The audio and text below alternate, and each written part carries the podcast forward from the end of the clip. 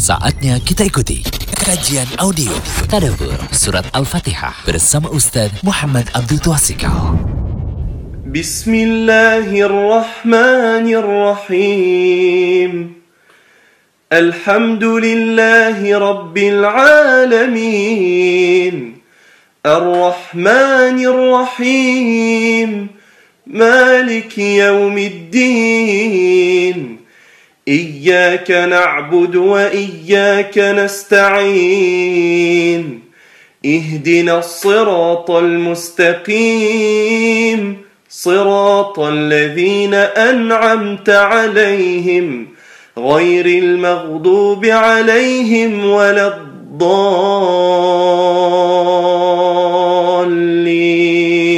Dengan nama Allah yang Maha Pengasih, Maha Penyayang.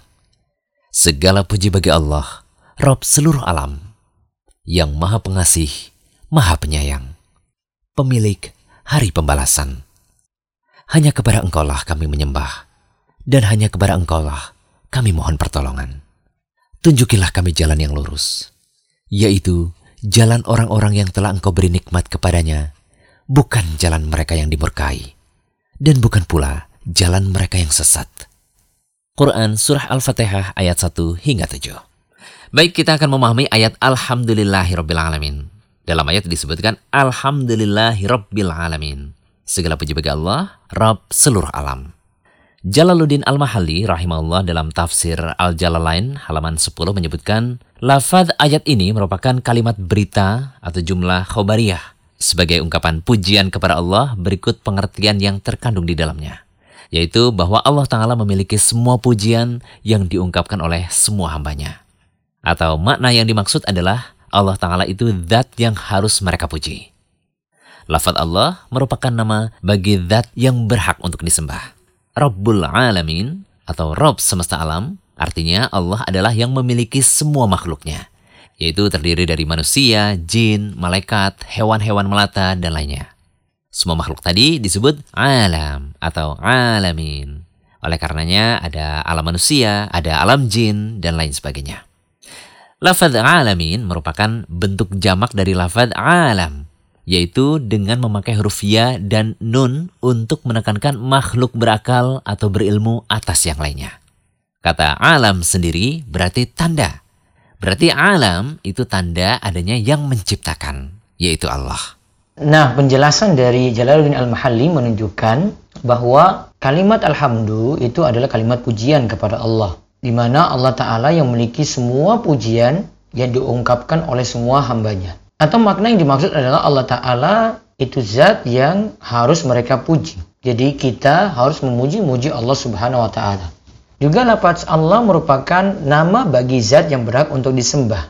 Karena lafaz Allah ini dibawa ke kata al-ilah artinya sembahan yang berhak disembah. Hanya Allah saja. Juga kata Jaluni al-Mahalli Rabbul Alamin. Artinya Allah adalah yang memiliki semua makhluknya. Jadi Allah yang kuasai manusia, kuasai jin, malaikat, hewan-hewan melata, dan lainnya.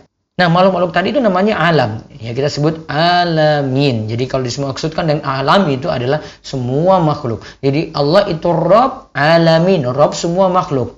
Dan alam itu nanti ada alam manusia, ada alam jin, dan sebagainya. Lalu lafaz al-alamin ini bentuk jamak plural dari kata alam. Ini sebenarnya ditujukan untuk menekankan makhluk berakal atau berilmu atas yang lainnya.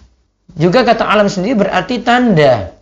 Karena alam itu tanda adanya yang menciptakan. Berarti adanya kita makhluk, adanya kita manusia, adanya alam semesta ini, adanya jagat raya, itu menunjukkan ini ada, pasti ada yang mencipta. Berarti kita sekaligus menetapkan bahwa Allah itu pencipta kita. Nah, dari penjelasan tadi ada beberapa catatan tambahan dari Syekh Ibn Utsaimin dalam tafsirnya. Alhamdu adalah sifat bagi yang dipuji dengan sempurna disertai al-mahabbah, kecintaan dan at-ta'zim, pengagungan. Allah itu sempurna dalam zat, sifat dan perbuatan. Maka pantas Allah itu untuk disanjung, untuk dipuji dengan pujian sempurna tadi. Namun ingat ya, Alhamdulillah ini bukan hanya sekedar memuji. Karena ada orang yang memuji itu cari muka gitu. Kita kadang puji orang lain ya karena ada maksud kita sendiri. Namun di sini kita puji Allah karena dengan mahabbah dan ta'zim, memang dengan kecintaan dan pengagungan. Catatan dari Syekh Muhammad bin Shalih yang pertama. Terus disebut alhamdulillah jika Allah itu disifati dengan sifat sempurna, disertai kecintaan dan pengagungan. Maka tanpa ada kecintaan dan pengagungan tidak disebut alhamdulillah. Berarti kalimat memuji itu belum semuanya itu alhamdulillah. Ya, belum di semuanya itu terkandung pada makna alhamdulillah. Jadi kita kalau puji si A, puji si B, itu belum tentu maknanya itu alhamdulillah.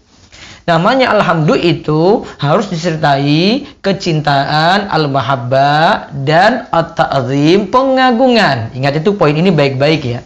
Terus yang ketiga, catatan lagi dari Syekh Ibnu Utsaimin, alif lam yang ada dalam kata alhamdulillah, ya, alhamdulillah itu ada kata alif lamnya ya, ada alif lamnya di depan ya. Menunjukkan istighraq Artinya mencakup seluruh pujian. Maksudnya, semua pujian itu memang milik Allah.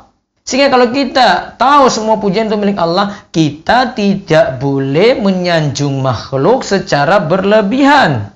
Termasuk juga kita tidak boleh menyanjung orang yang berbuat baik kepada kita secara berlebihan.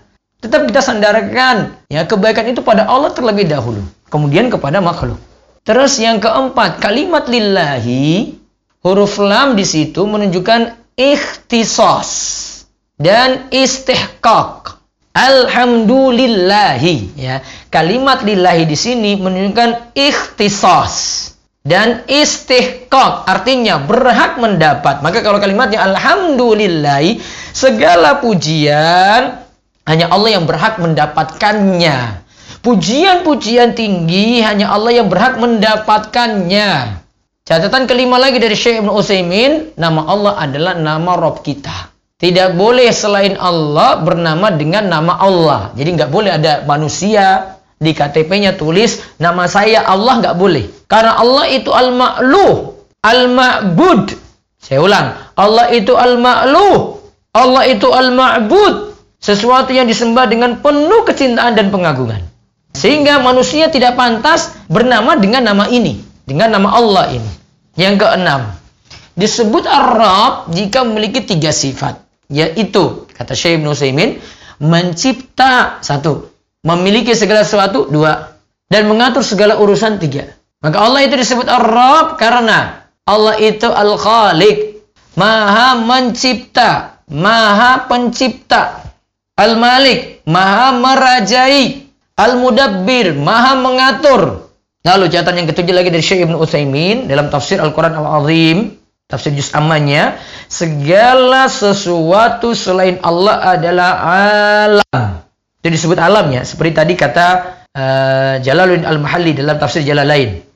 Disebut alam karena sebagai tanda bahwa Sang Khalik itu maha kuasa, penuh hikmah, maha penyayang, maha perkasa, dan makna rububiyah lainnya. Nah kesimpulannya faedah dari Alhamdulillahi Rabbil Alamin yang bisa kita ambil adalah satu, penetapan pujian yang sempurna bagi Allah. Lalu dua, Allah itu dipuji dari segala sisi. Oleh karena itu dalam hadis Aisyah disebutkan sebagai berikut. Aisyah itu katakan karena Rasulullah Shallallahu Alaihi Wasallam Rasulullah SAW itu biasanya idza ra'a ma jika melihat hal yang ia senangi Qal alhamdulillahilladzi bi ni'matihi tatimmus shalihat. Segala puji bagi Allah yang dengan nikmatnya segala kebaikan menjadi sempurna. Terus wa idza ra'a yakrahu. Jika ia melihat hal yang ia tidak sukai, ia ucapkan alhamdulillahi ala kulli hal. Segala puji bagi Allah untuk segala keadaan. Hadis ini riwayat Ibnu Majah dan dihasankan oleh Syekh Al-Albani. Juga yang ketiga disebut dahulu Allah ya. Alhamdulillahi Rabbil Alamin. Nah, Allah dulu kan di depan baru Rabb. Menunjukkan bahwa sifat uluhiyah. Karena nama Allah itu menunjukkan sifat uluhiyah. Bahwa Allah yang berat untuk disembah. Didahulukan dari sifat rububiyah. Hal ini kata Syekh Ibnu Utsaimin menunjukkan dua hal. Sifat uluhiyah di sini disebutkan lebih dulu baru rububiyah karena menunjukkan dua hal. Uluhiyah sekali lagi Sifat uluhiyah itu Allah yang pantas disembah. Sifat rububiyah berarti sifat ketuhanan. Allah pencipta, pemberi rizki, pengatur jagat raya. Sifat uluhiyah disebut lebih dulu. Karena satu, Allah adalah nama khusus bagi Allah. Lalu nama lain adalah turunan dari nama Allah. Maka Allah disebut dulu baru Rabbul Alamin. Nama Allah ini jadi nama pokok, yang lainnya itu turunan dari nama tersebut. Yang kedua, para rasul itu diutus untuk meluruskan tauhid uluhiyah yang telah menyimpang pada umat. Walaqad ba'atsna fi kulli ummatin rasulan an ibudullaha wajtanibut taghut. Dan telah kami utus pada setiap umat seorang rasul. Misinya apa? Sembahlah Allah, jauhi tagut. Tugas para rasul seperti dakwahkan uluhiyah. Itu pokoknya, bukan sekadar rububiyah. Mengajak umat supaya tahu Allah itu pencipta, pemberi rizki, pengatur jagat raya, bukan. Namun, dakwah pokok mereka adalah supaya manusia itu bertauhid, tinggalkan ketergantungan pada makhluk, menyembah Allah saja, tawakalnya kepada Allah, ibadahnya untuk Allah, doanya untuk Allah, memintanya pada Allah dalam hal-hal yang hanya Allah yang sanggup untuk mengabulkannya. Lalu yang keempat, sifat rububiyah Allah itu mencakup seluruh alam, seluruh alam semesta. Wallahu a'lam. Baru saja kita ikuti kajian audio Tadabur Surat Al-Fatihah bersama Ustadz Muhammad Abdul Tuasikal. Jangan lupa kunjungi terus situs rumaiso.com